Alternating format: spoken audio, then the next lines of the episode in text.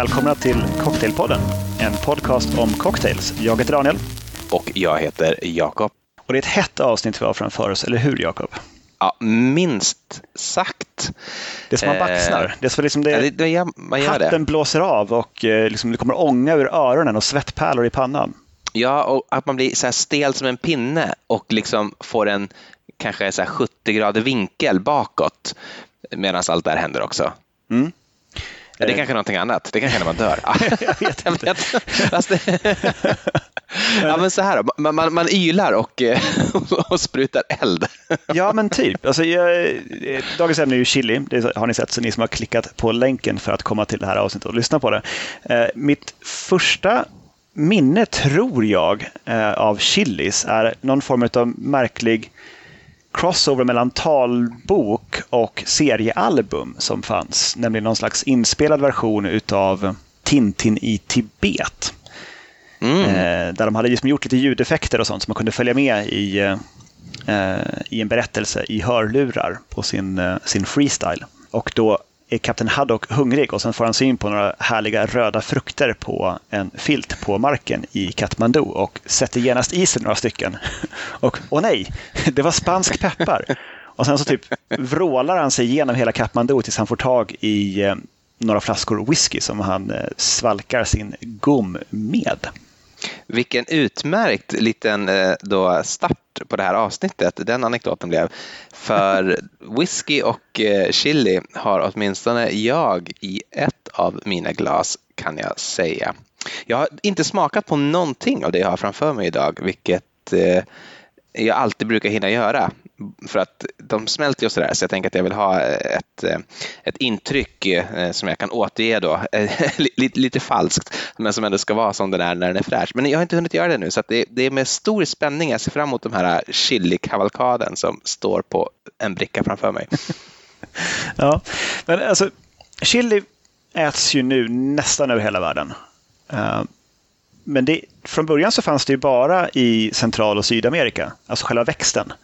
Mm. Och sen så kom det eh, europeer dit och tyckte att men fan, det här det är väl trevligt, den tar vi med oss hem. Och sen fick portugiser fatt i det och de hade ju eh, alltså handelsstationer och kolonier precis överallt. Ganska små, men överallt verkligen.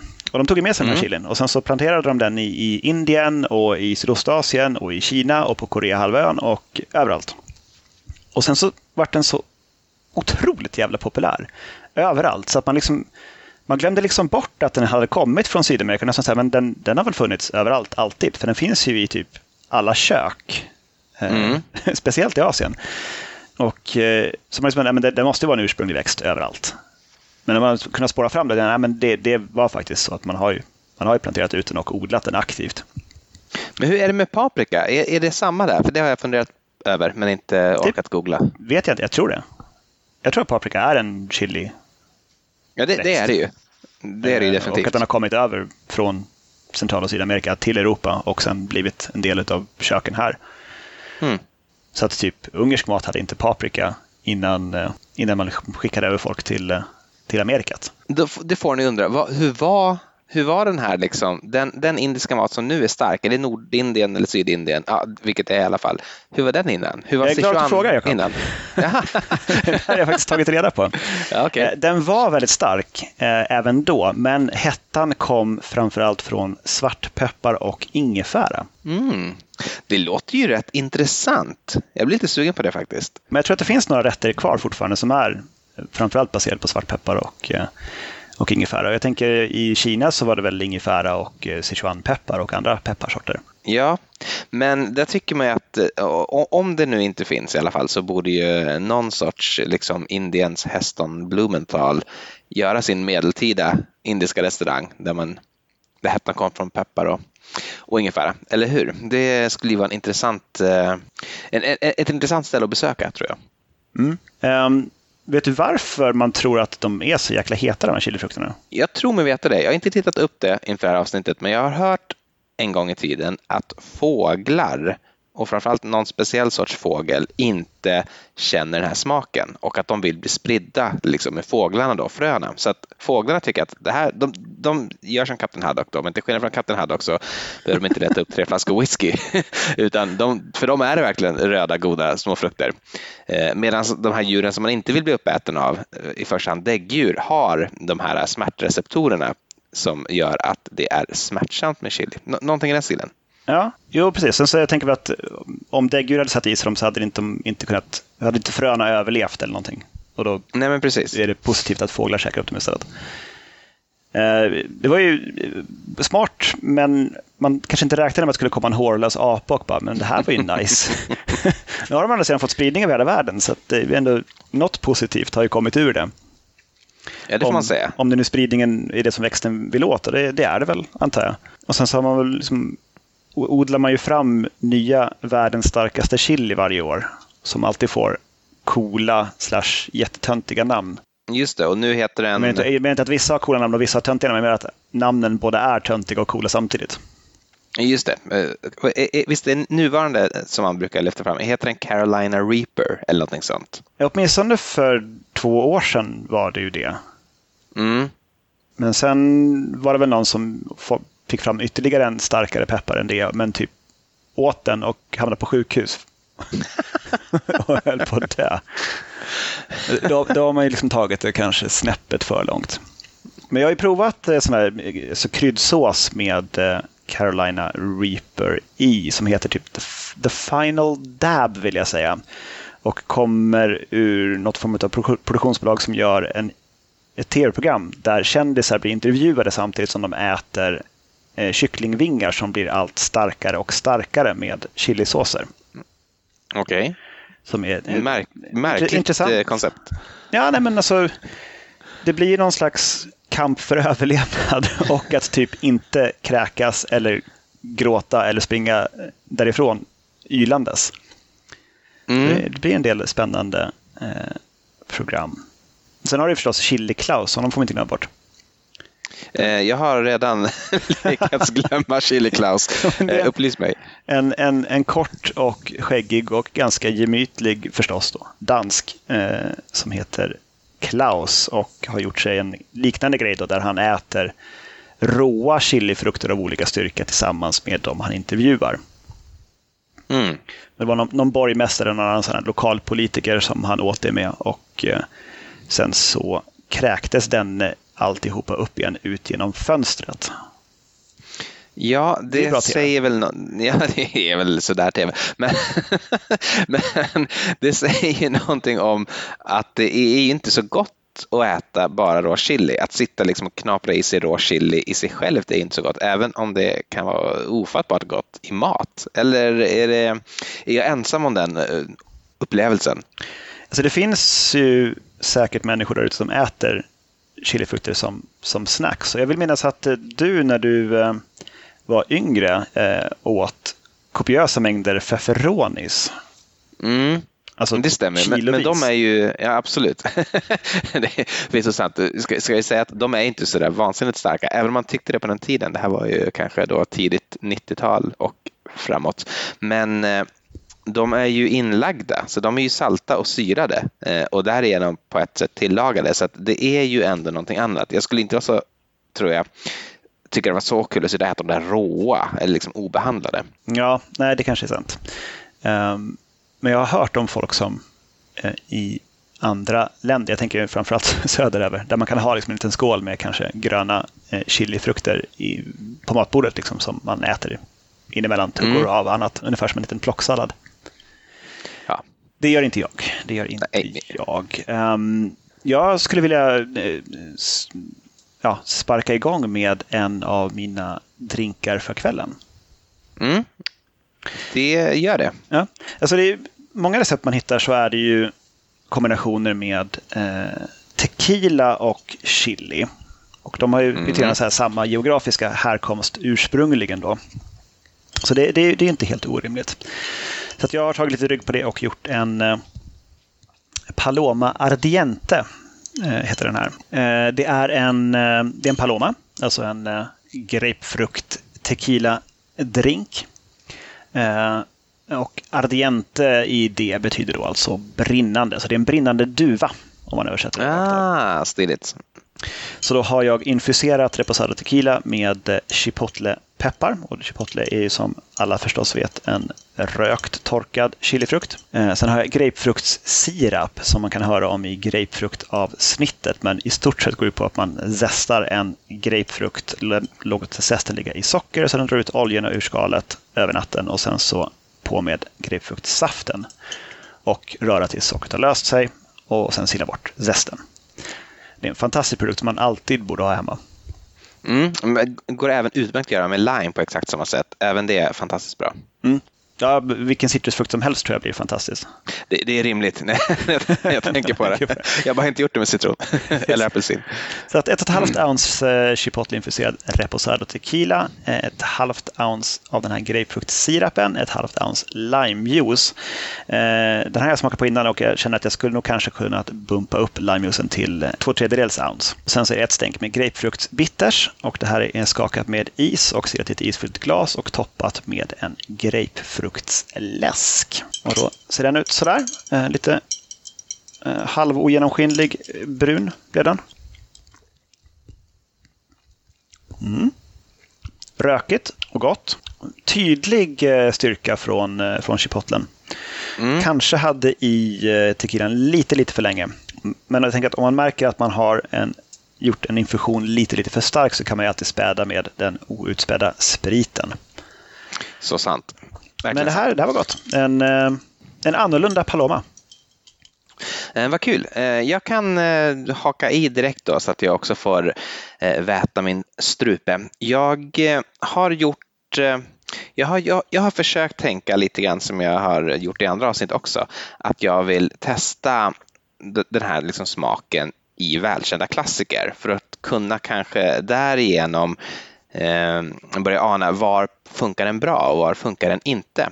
Och eh, jag har fyra olika typer av drinkar som jag tycker utgör nästan liksom alla drinkar som finns eh, i, i, någon, i en eller annan form. Och det är sours eh, och det är old fashions, det vill säga sprit, socker och eh, lite Eh, bitters. Det är martinis som är sprit och någon typ av vin, eh, vanligtvis vermouth och medel utan bitters. Och så har jag också satt negronis som en egen kategori. Jag tror att en del skulle säga att en negroni typ är en sorts martini eftersom det är bitters och eh, eh vin och sprit. Men jag tycker att en negroni ändå skiljer sig från en martini eftersom den är så söt och eh, söt och bitter. Det är liksom sötma och bitter som utgör en negroni, vare sig man har den på eh, is eller i ett martiniglas. Så jag ser det ändå som en, som en egen kategori.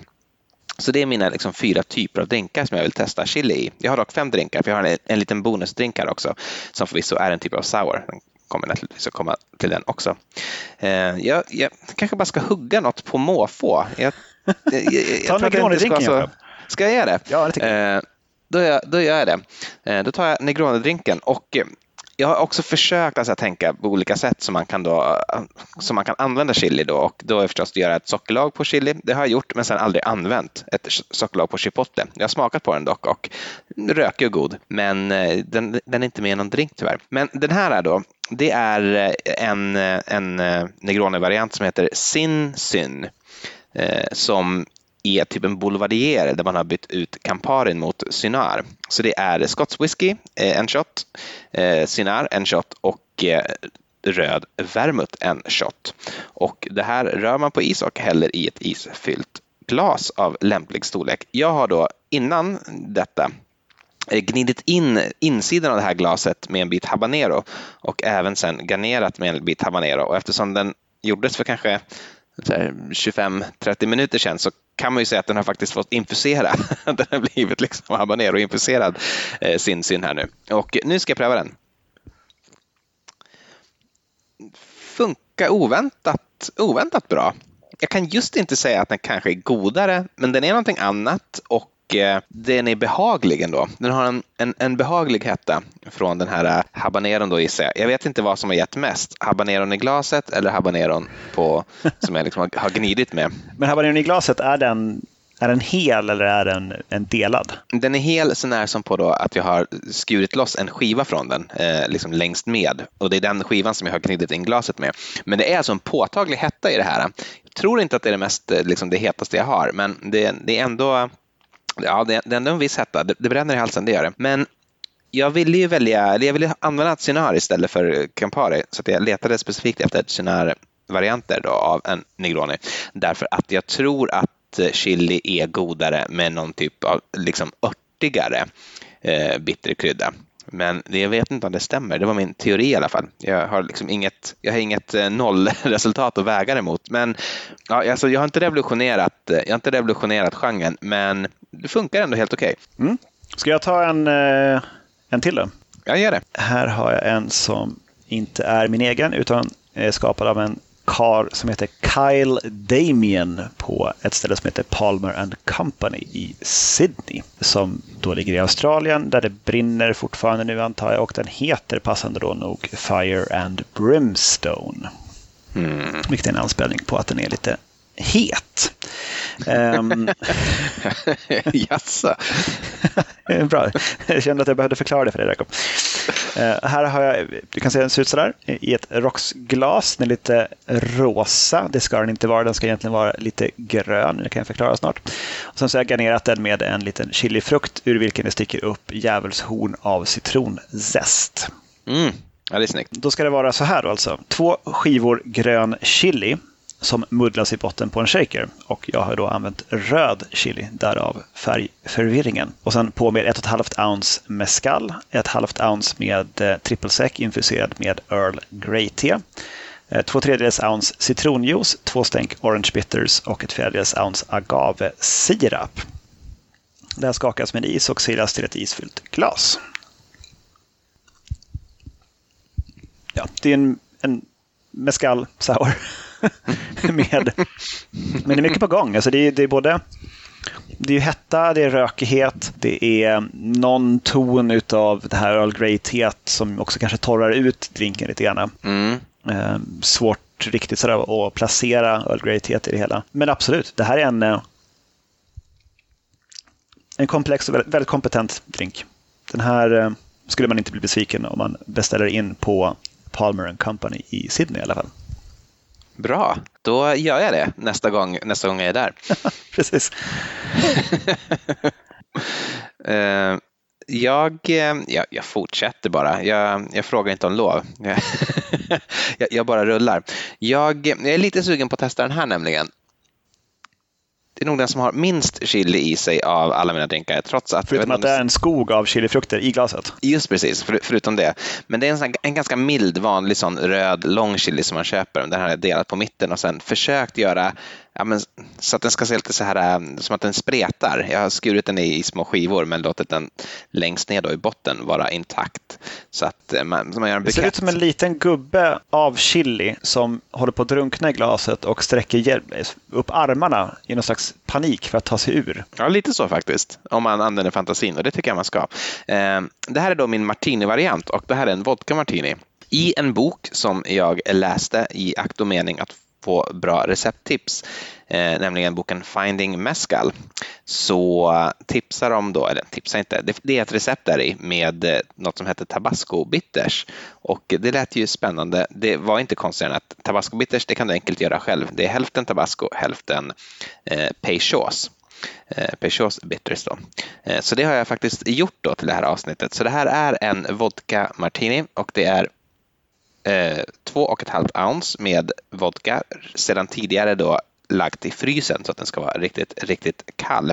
Trots detta har jag rört den på is tillsammans med ungefär ett kvarts ounce Noily Prat, Noily Prat eh, och eh, ja, men, säg tre tre stänk. Nej, ja, två stänk, det beror på hur stort du har. Eh, jag hade den inte från flaska utan liksom i, i en vanlig sån liten tesked som man har när man rör om te och den var kanske fylld till en tredjedel. Så ja, men säg tre stänk. Något av den stilen. Rör det här ordentligt och eh, sen eh, sila till ett eh, kylt martiniglas. Och nu ska jag provsmaka hur det här blev. Det här däremot, det här är, är ändå någonting. Eh, det är inte inte jättevanligt, i alla fall inte här hemma i Stockholm, att man blandar Peugeots med vodka. Jag vet inte varför, men det är liksom inte en, eh, en kombination som vi har gjort ofta. Men det här var riktigt bra. Jag tyckte att själva bittersna i sig, jag smakade förstås på dem för att se om det var någonting och tyckte så här, nej men det här, jag, jag, jag förstod inte. Jag tänkte, det här var, var inte så bra, jag trodde inte att det skulle bli så gott. Men det här funkar faktiskt rätt bra. Det var, eh, det, det, vart, det vart gott, men jag tror tricket är att det ska, vara, det ska vara jäkla kallt alltså. Nu är den redan lite för varm, men när den är ny kan jag verkligen föreställa mig att det är liksom hett och kallt på en gång. Så den här får heta Fire and Ice då. Mm, jag gillar det. Mm, härligt. Eh, jag har ju nämnt en bar i Oslo eh, eh, i tid och otid här på podden. Ofta med någon sån här drömsk ton i rösten och minnen av en svunnen tid. Eh, när man liksom gick ner för, kullen eh, genom snöslask och elände och klev in i ett tropiskt paradis. Med mm. Eh, kanoter i taket och fantastiska muggar som man fick drinkar i. och och så. Och en sak som jag kanske har nämnt där tidigare är att de ofta hade chili i sina drinkar, även eh, gamla klassiker, så hade de liksom hotat upp dem med, eh, med att infusera rommen med chili. Se där. Och, så har jag försökt få tag i recept på det här och det har jag naturligtvis misslyckats med. Men eh, min kära fru spenderade typ en och en halv minut googlandes på det. Och bara, ah, här, här har du ett recept på Aku Aku Chili Punch från eh, en, en norsk eh, en dagstidning som de har intervjuat någon bartender där och bara, ja, men det här är, det här är vårt eh, signature cocktail-recept. Ja, hon så kan att, norska eh, förstås. Det, det, är det som är, liksom, det är, det som är tricket. så att, eh, här är då eh, Aku Akus egna recept på eh, chili punch. Eh, då är det 4 centiliter chili rom och då är det eh, Havana Club treårig. Det har jag sett själv att de petar ner massa chilifrukter i flaskan eh, om man mm. kommer dit tidigt men står fortfarande på gör i ordning inför kvällen. Sen så är det 2 centiliter citrongrässirap och det som man tror, det är en eh, vanlig simple syrup med eh, citrongräs i när man gör sirapen. Sen så är det 2 centiliter limejuice och sen så det här skakas då med krossad is och hälls upp till en mugg eller ett glas. sen toppar man med en skvätt ginger beer och sen så pyntar man då med chili och eh, andra frukter som man kanske vill ha på. Och är den som den var i det tropiska paradiset? Den är väldigt, väldigt god, men jag tror att jag eh, hade i eh, chilin för länge i rommen. Mm. För att den här är, den är starkare än man vill att den ska vara. Mm. Jag läste sen lite noggrannare i receptet och då står det att man ska ha chilin i rommen en timme. Eh, det är snäppet kortare än det ett och ett halvt dygn jag hade i den. snäppet. snäppet ja. Det, det, kan ha med det att göra. den här är, den är god och stark den här alltså. Ja, jag, kan, jag kan tänka mig det. Jag har gjort samma misstag nämligen, så jag kan absolut föreställa mig det. Eller misstag och misstag.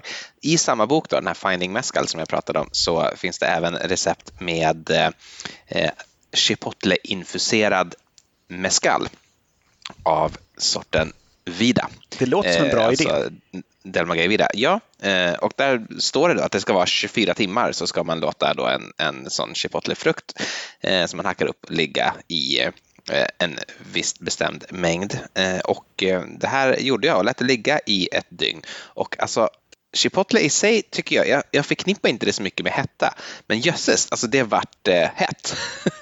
mm, jag märkte det också på min, den tequilan jag gjorde med chipotlen. Och mm. wow, man vaknar till. Ja, verkligen. Så i min drink där jag använt det här då, så har jag ju tagit ditt lilla tips där och blandat ut den med icke eh, infuserad mescal av samma sort. Och eh, det här är då mitt försök på något sorts chili old fashioned. Och... Ursäkta. jag tog en rejäl klunk nu. Jag vill liksom ändå känna smaken. Liksom, mm. Den är väldigt välbalanserad, eh, syra, sötma och fruktighet och så. Jättebra drink, men jag har förstört den. Ja, men sånt, sånt händer Daniel. Men nu vet du till nästa gång. Ta en, ta en, en timme istället. Men vad heter det, i, i den här då så har jag eh, en, eh, vad blir det då, en och tre kvarts ounce med sån eh, infuserad, vad heter, ja, ursäkta, chipotle-infuserad eh, mescal och eh, en lika stor mängd liksom, icke-infuserad mescal. Sen har jag faktiskt också ett halvt ounce med Pedro Jiménez Cherry i det här. Och jag sa att jag gjorde min att en sån här chipotle-sockerlag, men det vart godare med den här sherryn faktiskt. Och det är ju lite fusk. Jag sa ju att en Old Fashion definierar jag som sprit och inget vin. och sherry är ju då, även då i den här väldigt, väldigt, väldigt söta formen, ändå ett sorts vin. Så jag är inte riktigt trogen mina egna regler, men så, så kan det vara. Eh, lite apelsinbitters också och ja, det är typ det egentligen. Jag har rört det här ganska goda och sen hällt i ett kylt glas med en sån isboll i eh, som man kan göra om man har speciella isformer. Jag hade velat ha ett citron eller så, ett apelsinzest i det här men hade tyvärr ingen apelsin hemma så jag tog ett citron istället och garnerade med. Hoppas att det kan vara funktionellt också. Och eh, Ja, trots utspänningen. Det här är också godestarkt, men rätt gott. Framförallt, alltså det doftar väldigt gott. Det smakar rätt gott. Alltså det har ju en underbar sån liksom, rökig, speciell rökig ton från chipotlen. Och eh, mescallens, liksom, röken från mescallen och röken från chipotlen gifter sig föga förvånande väldigt väl. Och eh, ja, det doftar underbart, men igen, det, det, här, det här är också för starkt faktiskt. Jag skulle vilja ha eh, mer rök, kanske mer sötma faktiskt och, och mindre chili. Det är, inte, det är inte så vansinnigt starkt att man liksom inte kan dricka det, men det är bara inte 100% njutbart. Det känns inte helt balanserat. Däremot tror jag verkligen att det var helt rätt. Oh, nu börjar tårarna rinna. jag tror att det var helt rätt med, med sherryn istället för sockerlag. Uh, Phil Ward som ju ligger bakom uh, Oaxacan Old Fashion, vilket man får säga är lite grann någon sorts andlig moder till den här. Eh, han rekommenderar ju också att man ska blanda sherry och Eh, mescal och eh, han har nog inte bara hittat på det utan det ligger antagligen någonting bakom för ja, de smakerna gifter sig väldigt, väldigt väl. Vet du, som, vet du vad man också skulle ha? Man skulle haft lite så här gummi arabicum tror jag i det här. Alltså någon sorts socker med gummi arabicum. Den känns, jag kan inte förklara, men den känns, alltså den har för kraftig smak för att vara så tunn munkänsla. Jag skulle haft en lite, lite tjockare munkänsla i den. Men det verkar rimligt. Men det är ofta mm. en bra idé att ha i eh, gum syrup när man gör en Old Fashion-liknande drink. Just för att få lite mera simmighet i den. Ja, men precis. Den är, den är, så, den är så kraftig i övrigt så att den liksom blir vass nästan. Jag vill ha den mera tung. Ja, du, du förstår säkert. Det är lite flummigt kanske, men jag tror jag förstår på ett ungefär vad jag vill ha. Mm. Jag, jag lydde sen mitt, eh, mitt egna råd eh, och spädde ut den här eh, Havana Club treåriga rommen med mer icke-infuserad sådan och gjorde en annan drink från samma ställe som Chili Punchen, nämligen mm. deras, deras Chili Koi. Och där har jag inte något recept att gå efter, men däremot en, ett foto på någons typ Tripadvisor eller hjälp eller någonting recension av stället där de har fotograferat en drink och fått med menyn i bakgrunden. Och där har de mm. skrivit ut vad ingredienserna är. Och eh, då har jag eh, reverse engineerat från det till en drink som eh, väldigt mycket påminner om hur jag minns den. Um, och det här det är ju i, i tiki-drinkarnas anda kan man säga. Att man tar konceptet ungefär av en drink och mm. namnet på drinken och försöker skapa den igen på sitt eget ställe. Men man, man, har egentligen ingen aning om exakt hur den var gjord. Så att, precis som hände med, med Zombie och Suffering Bastard och kanske framförallt Mai Tai eh, under 40, 50 och 60-talen. Där de här drinkarna dök upp överallt men var olika gjorda på väldigt många ställen. Så det här är, det här är min version av en, en chili. Då har jag eh, 4 eh, centiliter chiliinfuserad Havana Club treårig, 2 centiliter citronjuice, en passionsfrukt och då alltså eh, saften och kärnorna, mm. 2 centiliter citrongrässirap, två stänk angostura bitters. Det här är skakat med is och hällt osilat till ett rocksglas. Och sen garnerat med allt möjligt. Det är en chilifrukt, det är citronzest, det är en lime och det är en halv passionsfrukt ovanpå där. Så som de på Aku Aku eh, garnerar den så har de skurit en ganska färsk och slät eh, passionsfrukt som en spiral och sen lagt den runt en hel chilifrukt ovanpå drinken. Ja, snyggt. Ja, det är tjusigt. Men jag hade gamla skrumpna eh, passionsfrukter så att det var, av detta blev intet. Det, det, låter väldigt gott måste jag säga. Så spännande att se vad du tycker. Mm. Det här är en riktigt bra drink. Det är väl möjligen att jag skulle kanske ha lite mera syra i. Den känns inte helt riktigt så 100%, men säg 95 procent. Ehm, bra. Um, men man ser, den är ganska tjusig också. Man ser ju eh, passionsfruktskärnorna som flyter omkring i drinken. Ja, det gör man. Som någon sorts tropisk gröna hissen. Exakt. Ja, nej, det, här är en, det här är en väldigt bra drink och um, en som vi drack flera gånger när vi var på Aku Aku under den tiden vi bodde där. Men vad härligt för dig ändå lyckats eh, i någon mån lyckats rekonstruera två eh, av dina gamla liksom, favoriter därifrån. Mm. Men det hindrar inte att vi måste åka tillbaka till Oslo ändå och gå dit. Eh, finns det inga, inget hindrar någonsin någonting. Eh, jag eh, har en, en typ av drink kvar. Det är två drinkar den här gången eh, och det är sours. Och jag har sparat dem till sist lite grann för min tes är egentligen att chili passar bäst i sours. Och det finns ju en, en typ av sour som faktiskt ganska ofta serveras med chili. Det är liksom inte standardreceptet men det är knappast eh, unikt eh, om man skulle komma liksom på att göra det på sin bar och det är ju margaritan. Eh, eller hur? Det måste du ha sett någonstans. Jo, men det har, nog, har jag nog sett någonting. Eller att man kanske har något chilisalt på glaskanten eller någonting annat sånt. Ja, och det har jag gjort här. Nu var jag lite så disträ när jag gjorde den här, så att när jag skulle sträcka mig efter mitt agave-sockerlag, eh, eller agavesirap, så tog jag helt vanligt plain sockerlag istället. Så det här är då någon sorts Tommys Margarita, fast ändå inte. Det är eh, två ounce med... Connys Margarita. Ja, precis. Eh, det är två ounce med eh, chili-infuserad tequila och den har jag gjort genom att låta chili ligga i tequila under en period tills jag tyckte att den var tillräckligt stark. Den, den är ganska söt också. Så två ounce av det, eh, ett ounce med eh, eh, lime och ett halvt ounce då med dubbelt sockerlag. I en Margarita har man ju annars normalt Cointreau också. I en Thomas har man ju ingen Cointreau men däremot agave-sockerlag då, eller agave-sirap. Och i den här så har jag inget så det är väl knappt en Margarita.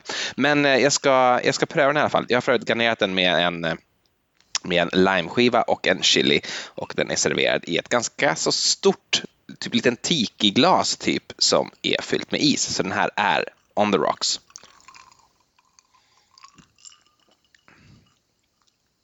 Ja, med eller utan rätt typ av socker.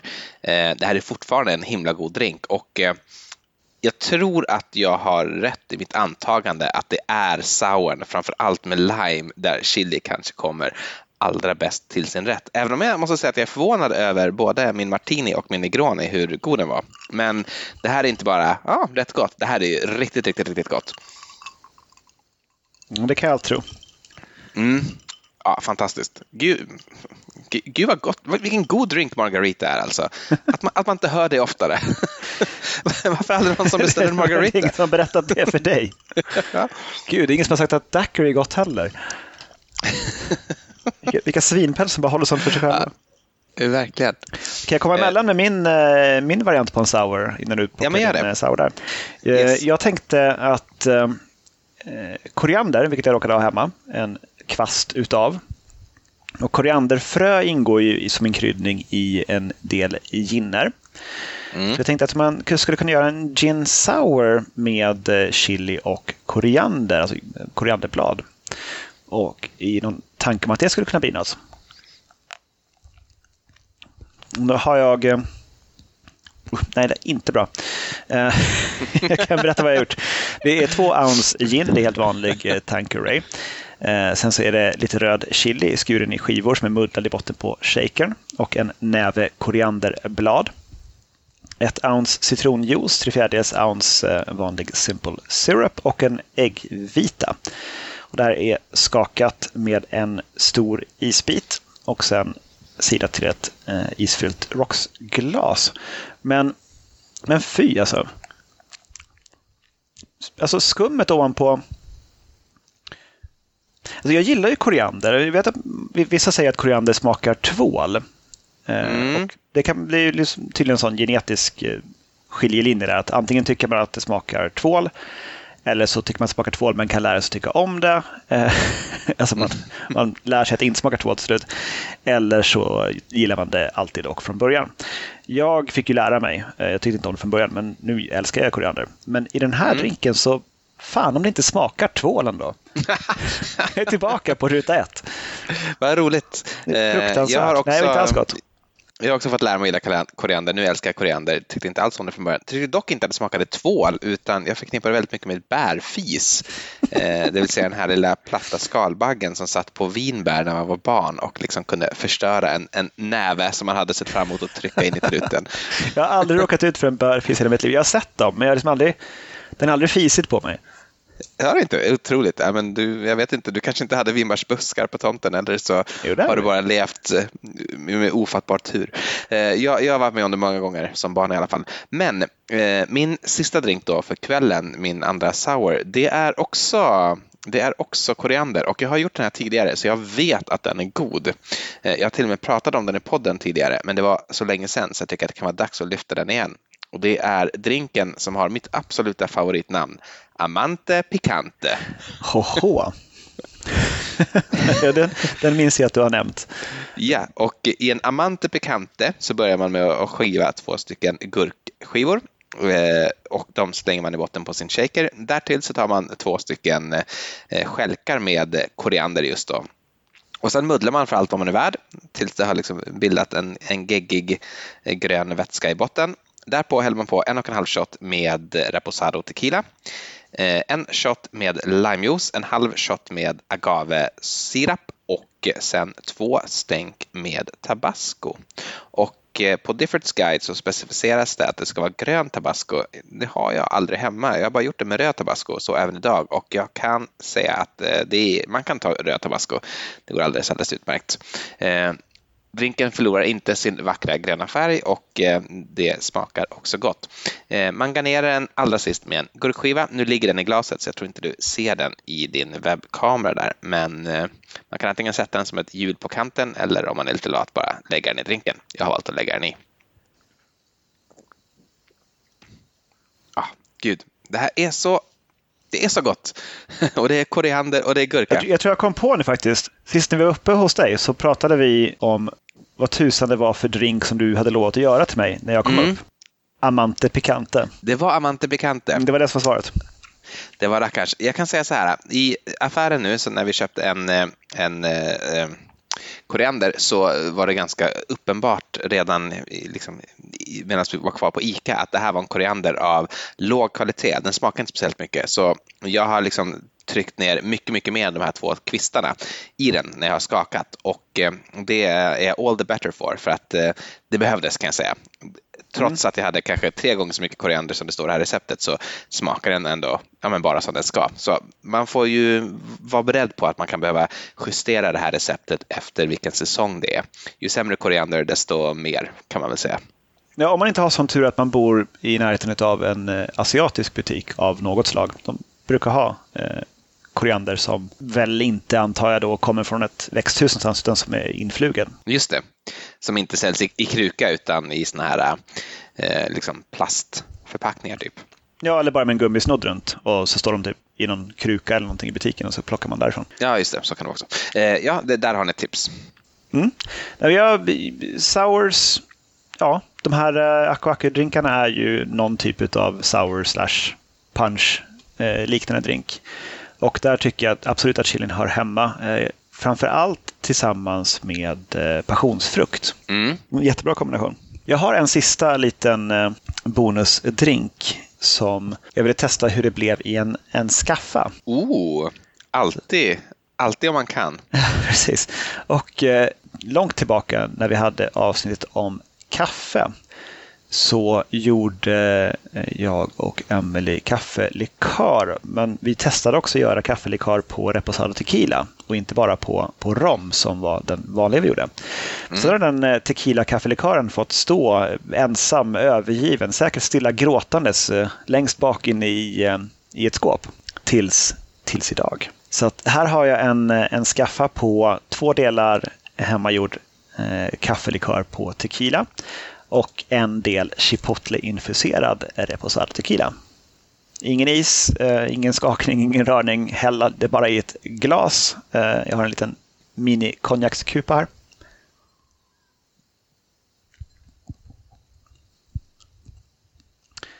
Det där var intressant.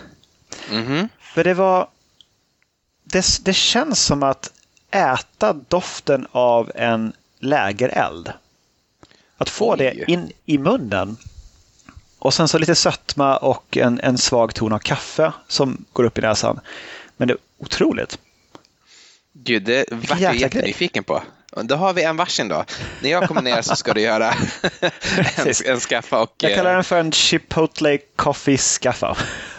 jag Där har vi den. Bättre, så. Det kanske får vara en, en Fireplace skaffa istället. Men jag tror jag redan har döpt en drink tidigare till Fireplace skaffa någon gång. Det är möjligt att du har det. Det här var faktiskt riktigt, riktigt bra. Och det här var ändå, slängde jag bara ihop på, på slutet för några minuter över. Men ja, ja, vi, vi testar. Det här är ju nästan vinnaren ikväll. Vad kul! En, en, rikt, en underdog. Det är härligt när, när, det, är, när, när det är något som överraskar. Eh, superkul att höra. Min vinnare är faktiskt föga förvånade Amante Becante och eh, Margarita. Det är två klassiker och they are classics for a reason. Men jag vill också ge ett litet shout-out till min vodka martini med tabasco bitters eh, som ändå är kvällens runner-up. Så Ja, martinis och sours, där har ni svaret. Där, där, där kan ni använda chili och känna er ganska trygga. Ja, har vi något mer, Jakob? Jag känner mig jättenöjd. Jag är glad också att vi, vi är fria från oket av um, alkoholfria drinkar. Ja, äntligen. Torra januari är över och eh, låt oss hylla blöta februari. Men var, varför lägger man de här liksom månaderna... För det är torra januari mm. och sen så Sober October gör vissa också. Mm. Mm. Varför måste det vara i så bistra månader? Alltså Sober October tror jag bara är att det rimmar. Jag tror, jag tror inte att det finns något annat skäl. Eh, januari är väl så här att... Men det var efter nyår, men, men fortfarande, januari är ju ett sånt straff ändå. Jag håller med. Kan man inte vara nykter typ i juni istället då? Då är det så mycket annat som är kul och mysigt och varmt och härligt. Mm, jag förstår hur du tänker, men eh, jag... Eh jag vet inte. nu, nu har vi gjort det här. Ska, vi, kan inte, vi kan inte ta en till månad. Nästa år kanske. Ja, vi får se. Vi får se vad vi lägger Mocktailpodden 3 någon gång. Mm. Ja, men eh, med, med det så tackar väl vi för oss och eh, önskar er alla en god natt. Ja, tack och natt och eh, skål på er. Skål!